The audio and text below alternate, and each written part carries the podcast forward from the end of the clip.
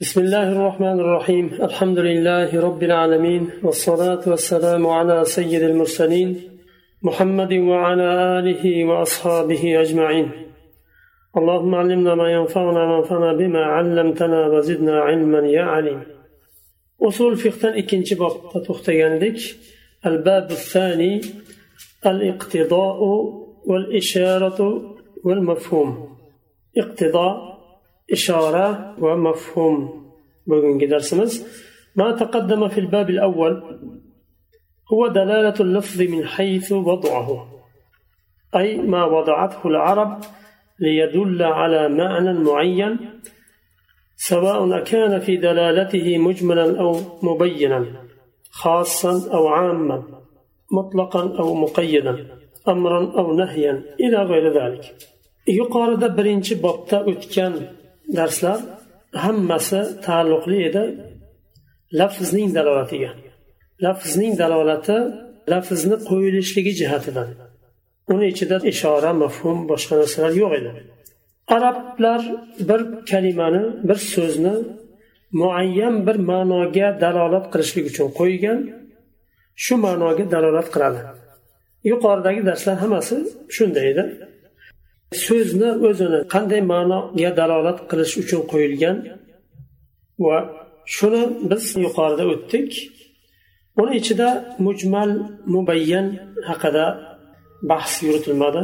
Xos va om mutloq va muqayyat amr va nahiy bularni ya'ni ma'nodan tashqari bir narsa bular. Chunki arablar bir so'zni bir ma'noga dalolat qilish uchun qo'ygan. Shu so'zni biz ustida bahs yuritdik. Bugun endi iqtido ishora mafhum bular lafzni nimaga dalolat qilishidan tashqari so'zda bir taqozosi bo'ladi so'zni. Yoyinki so'zning ichida bir ishorasi bo'ladi. Bir narsaga ishora qilinadi. So'zni o'zi u narsaga qo'yilishligi jihatidan dalolat qilmaydi. Yo bir mafhum bo'ladi.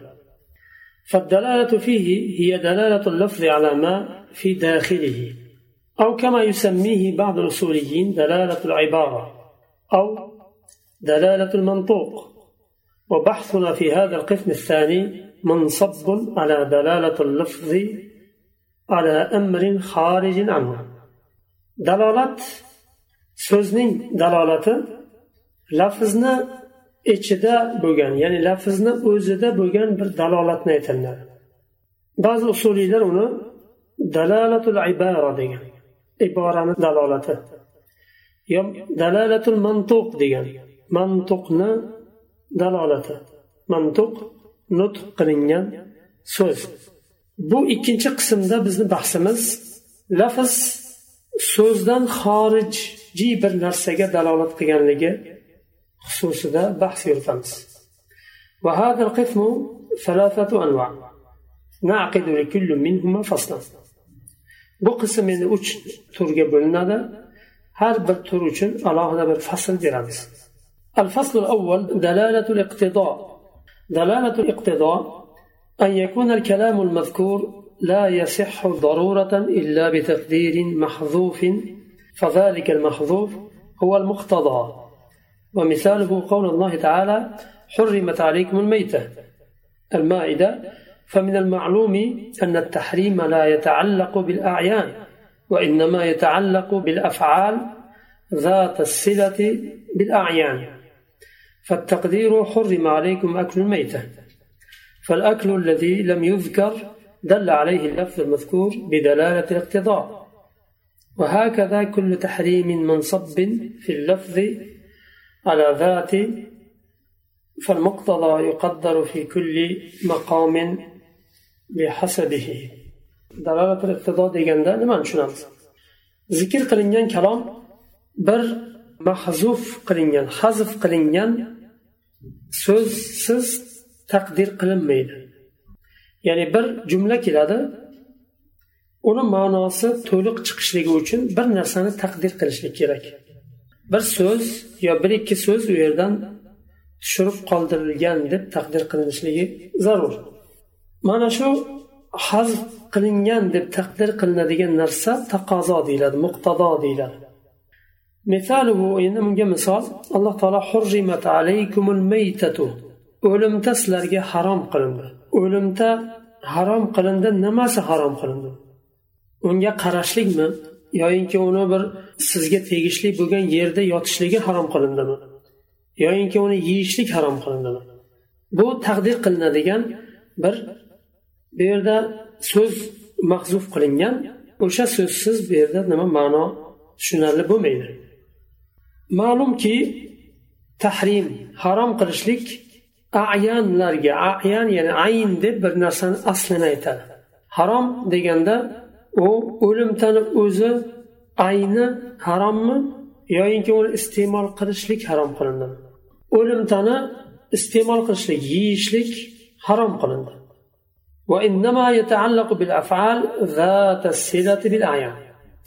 Mana shu ayan o'limtani asli ya'ni o'zi shu o'ziga tegishli bo'lgan fe'llarga taalluqli bu fe'l nima? Uni yeyishlik.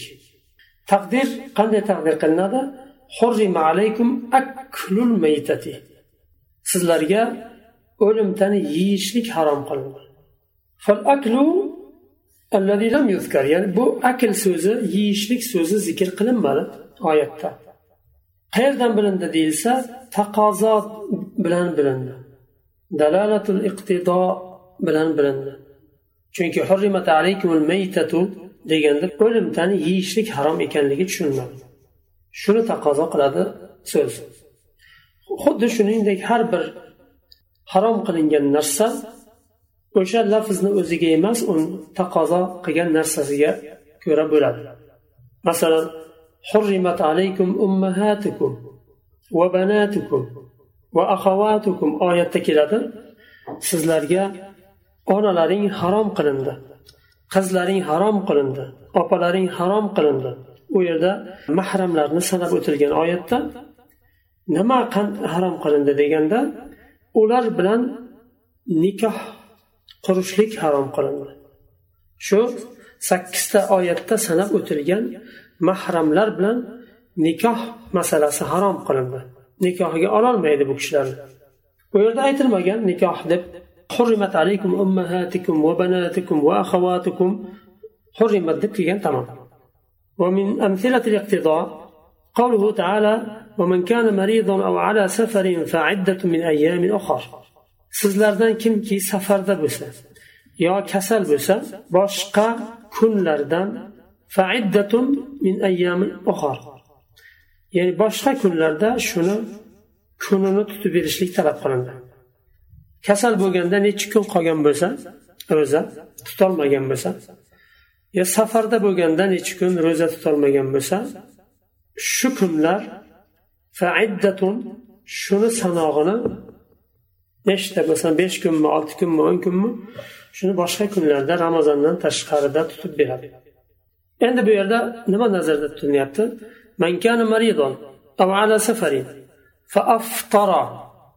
فعليه صيام عدة ما أفطره من أيام أخر bu yerda iqtido taqozo qilingan kalima aftara ومن كان مريضا أو على سفر فأفطر kim kasal bo'lgan bo'lsa va safarda bo'lib turib ro'zani ochsa aftara degani ro'zani ochsa kasal bo'lganligi sababli va safarda bo'lganligi sababli ro'zani ochsa fa alayhi endi unga vojib bo'ladi siyamu ma aftarahu min ayyamin ukhar necha kun ochgan bo'lsa ro'zani shu kunlarni boshqa ramazondan tashqari kunlarda tutib beradi لأنه إذا صام في سفره أو مرضه فلا قضاء عليه hop qayerdan bildik faaftara degan so'z u yerda taqozo qilinishini chunki safarda bo'lib turib ro'zasini ochmasa kasal bo'lib turib ro'zasini ochmasa safarga bir kishi masalan bir hafta safarga chiqib keldi ro'zani hech ochmadi. Safardan kelgandan keyin kasal bo'ldi bir hafta. U bu haftada kasal bo'lgan haftada ham ro'zani ochmadi. Bu kishiga hech narsa vojib bo'lmaydi. Kim kasal bo'lsa yo safarda bo'lsa boshqa kunlarda tutib berilsin desa safarda bo'lib ro'za tutgan bo'lsa ham kasal bo'lib ro'za tutgan bo'lsa ham ramazondan tashqarida keyin yana shuni qazo qilib bersin degan ma'no chiqmaydi demak bu yerda taqozo qilinadigan kalima bor hazf qilingan tushirib qoldirilgan chunki lafzni siyoqidan bu mahzuf qilingan kalima tushuniladi وقد ورد أن النبي صلى الله عليه وسلم كان يصوم في رمضان في السفر أحيانا hadislarda keladi rasululloh sollallohu alayhi vasallam ba'zan safarda ramazonda safar qilganlarida ro'za tutardilar demak safarda ro'za tutishlik man qilinmaydi lekin u nima oyatda ham keladi agar ramazonda safar qildi bir hafta masalan to'rt kunini tutdi uch kunini tutolmadi shu uch kunni qazo qilib beradi ومثله حديث لا صيام لمن لم يفرضه بالليل فلو صام دون أن ينوي فصورة الصيام موجودة لا يصح نفيها. فالنفي إذا منصب على جهة معينة هي الصحة الشرعية أي لا صيام صحيح لمن لم يبيته بالليل. فصحة وإن لم تذكر في اللفظ مدلول عليها بدلالة الاقتضاء. حديث كده كم kechasidan o'ziga ro'zani farz qilib yotmasa ro'zasi ro'za emas degan mazmunda hadis bor. Ya'ni farz qilib degani deganda niyat qilib ertaga ro'za tutaman degan niyat bilan kechadan boshlamasa shu niyatni ro'zasi ro'za emas.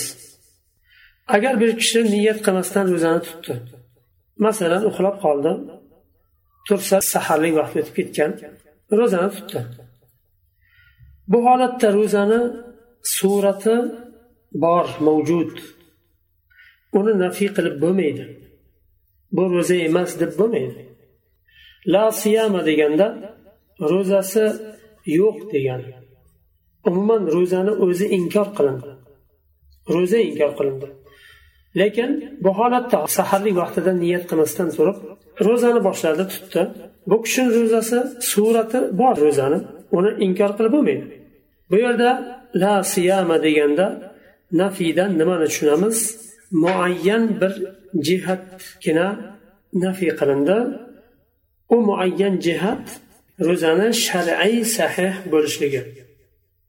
Demak bu yerda ham taqdir qilamiz bir so'zni.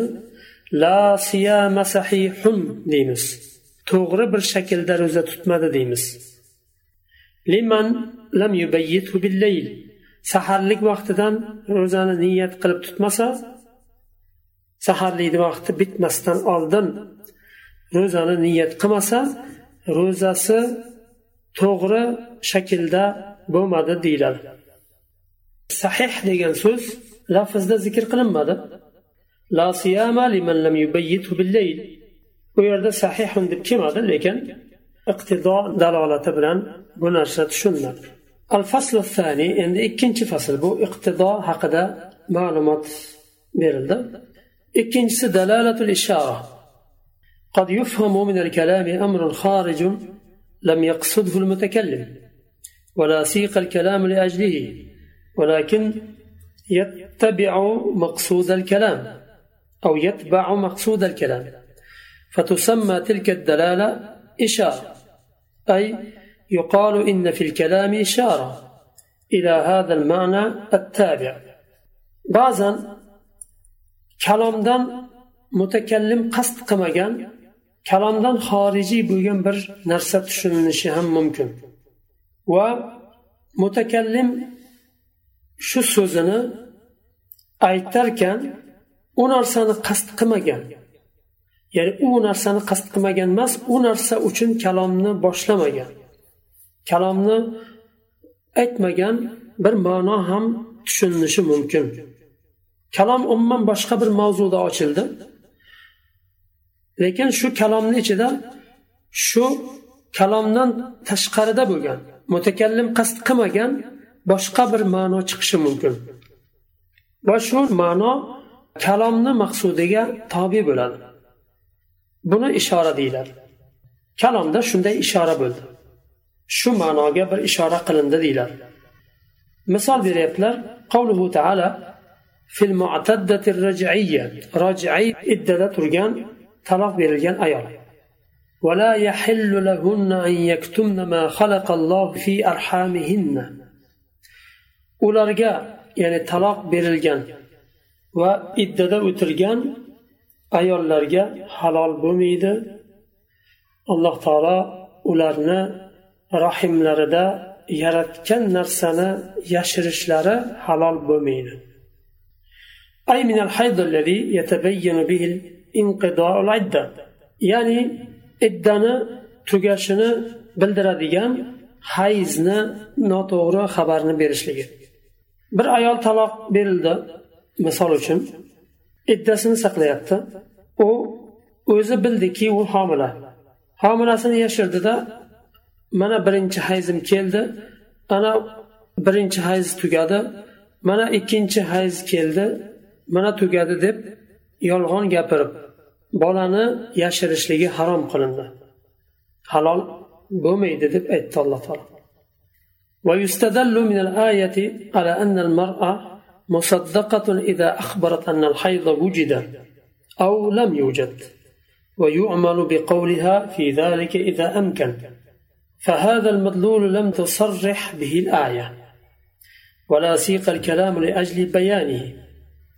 إذ الكلام إنما سيق لتحريم الكتمان لا غير وهذا أمر آخر. yuqorida o'tgan oyat dalolat qiladi ya'ni ishora tarafidan ya'ni ishora bor shu narsaga ayol kishi agar hayzi haqida hayz keldi yo kelmadi desa tasdiq qilinadi. Shu narsa olinadi. Qayerdan bu ishora chiqdi? Yashirmaslikni alloh taolo aytdi. Alloh taolo rahimlarida yaratgan bolani yashirishlik halol bo'lmaydi dedi. Yashirishlik qanday bo'ladi? Yashiradi hayz keldi desa chiqdi desa yana hayz keldi chiqdi hayz keldi chiqdi. Uchta hayzda yolg'ondan aytadigan bo'lsa tamom uni iddasi tugagan bo'ladi va bu bola bilan boshqa erga chiqib ketadigan bo'lsa qornidagi bola bilan nasl qolishadi demak hayz keldi desa qabul qilin ekan. Oyatdan shunday ishora chiqadi. Chunki alloh taolo ularga harom qildi yashirmanglar dedi yashirishlik hayzni yolg'on xabar berishlik bilan bo'ladi. Agar hayz keldi desa yo kelmadi desa shunga ko'ra shu ayolni so'ziga binoan amal qilinadi ahkomlar qo'yiladi imkon qadar. Lekin bu madlul ishora yo'li bilan dalolat qilingan bu ma'no oyatda sarih kelmadi ochiq. Va kalom ham buni bayon qilishlik uchun kelmadi kalom bu yerda oyat yashirishlikni harom qilishlik maqsadida nozil bo'ldi bolani yashirishlikni harom qilishlik uchun nozil bo'ldi u ayolni so'zi olinishligi uchun emas ayolni hayz to'g'risidagi so'zi olinishligi ishora yo'li bilan tushuriladi ومثال الإشارة أيضا الاستدلال على أن أقل مدة الحمل ستة أشهر يعني إشارة مثال كثير oyatdan kelib chiqadiki oyat dalolat qiladi homilani eng qisqa vaqti muddati olti oy qayerdan oldik buni oyatda ishora bor alloh taolo baqara surasida aytdi والوالدات يرضعن أولادهن حولين كاملين لمن أراد أن يتم الرضاعة alloh taolo bu yerda bolani emizishlikni eng uzun vaqtini aytdi Onalar bolalarini komil ikki yil emizadilar. Liman aroda an kim agar bolani komil emizaman desa istasa emizishlikni ikki yil deyildi. Demak istamasa ozroq emizish ham mumkin ekan. Bu yerda emizishlikni eng uzun vaqtini aytilindi ikki yil deyildi. Boshqa oyatda وحمله وفصاله ثلاثون شهرا ahqof surasida keladi homila vaqti va sutdan ayirish vaqti ikkalasi birlikda o'ttiz oy deyapti alloh taolo o'ttiz oy bo'ladigan bo'lsa bundan ikki yilni chiqarib tashlaymiz havlayni kamilayn emizishlik muddatini chiqaradigan bo'lsak yigirma to'rt oy chiqadi olti oy qoladi demak hamluhu homila vaqti eng qisqa vaqti olti oy ekan فإن أي من هاتين الآيتين لم يسق لبيان أقل مدة الحمل yuqorida o'tgan ikkala oyatni birortasi ham homilani eng qisqa muddatini bayon qilishlik uchun nozil bo'lmadi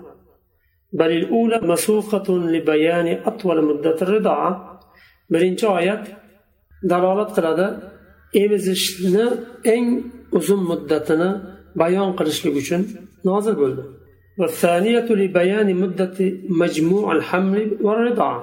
ikkinchi oyat bo'ladigan bo'lsa ikkinchi oyat homila vaqti bilan sutdan ajratish vaqtini birgalikda qancha ekanini bayon qilindi o'ttiz oyligini bildirildi ammo أقل مدة الحمل فتفهم من مجموعهما ammo homilani eng qisqa muddati qancha ekanligini qayerdan tushunildi ikkala oyatni jamlab turib chiqqan ma'no ishora shu chiqdi ya'ni dalalati ishora deydi ومثال ثالث uchinchi misol قول الله تبارك وتعالى في شان قاتل العمد alloh taolo qasddan o'ldirgan kishini sha'niga hukm nozil qilganda baqara surasida aytdiki فمن عفي له من أخيه شيء فاتباع بالمعروف وأداء إليه بإحسان kim birodari tarafidan afu qilinsa avf qilinsa u holda urfga ko'ra ergashishlik va shuni ehson bilan yaxshilik bilan ado qilishlik ya'ni bir kishi bir kishini qasddan o'ldirdi Va mayitni valiylari qarindoshlari kechirdi. Qasos olishlikni inkor qildi. Mayli qasos olmaymiz avf qildik dedi. O'ldirmaymiz dedi ya'ni. Chunki islomda qasos bor. Bir kishi bir kishini qasddan o'ldiradigan bo'lsa hukumat uni qasos bilan o'ldiradi o'ldirgan kishini. Agar mayitni qarindoshlari avf qildik deydigan bo'lsa bu holatda mayitni qarindoshlari ma'ruf urfga ko'ra ergashadi degani ma'ruf deganda yaxshilik ham tushuniladi ma'ruf deganda urf odatdagiga ko'ra ham tushuniladi buni diya qancha to'lash kerak shuni oshiqcha so'ramasdan mayli agar o'n barobar diya bersa keyin kechiraman demaydi o'zini diyasi qancha bo'lsa shunchani talab qilinadi va adaun ilayhi uni diyani o'taydigan kishi ham beradigan kishi ham ehson bilan yaxshilik bilan bu narsani beradi oyatdan chiqqan ma'no shu يدل بمنطوقه على أن القاتل إن عفى الولي عن قتله قصاصا فوجبت الدية في ماله oyatni mantuqi nimaga dalolat qiladi qotil odamni qasddan o'ldirgan kishini shu mayitni o'ldirilgan kishini valisi qasos olishlikdan avf qiladigan bo'lsa uning molida diya vojib bo'ladi diyani to'laydi أنه يجب على الولي أن تكون مطالبته للقاتل بالمعروف shuningdek mayitni valiysiga ham vojib bo'ladi qotildan ma'ruf bilan diyani talab qilishligi qotilga ham vojib bo'ladi shu diyani ehson bilan yaxshilik bilan ado qilishligi endi bu yerda ishora bor u yuqorida o'tgan ma'no mantiqni dalolati edi ishorani dalolati nima ekan على أن القاتل لا يكون كافرا بالقتل ولا يخرج من الإيمان لأن تسمية الولي أخا له تستلزم بقاءه على الإيمان إذ الكافر لا يكون أخا للمسلم إشارة yo'li bilan dalolat qilgan bir ma'no bor u shu qotil kofir bo'lmaydi shu qasddan o'ldirganligi bilan kofir bo'lmaydi va iymondan chiqib ketmaydi hop qayerdan oldingiz desa chunki valiyni ah deb keldi min ahihi shayun birodaridan deyildi. Ya'ni mayyitni valiysi tarafidan avf bo'lsa deyildi. Valiyni bu yerda birodar deyildi. Birodar degan so'zdan tushuniladiki u iymonda qolganligi iymondan chiqib ketmaganligi tushuniladi chunki kofir musulmonga birodar bo'lolmaydi shu yerda to'xtaymiz. Uchinchi fasldan davom etamiz. Dalolatul mafhumdan. Nimasi biroz uzunroq سبحانك اللهم وبحمدك أشهد أن لا إله إلا أنت أستغفرك وأتوب إليك.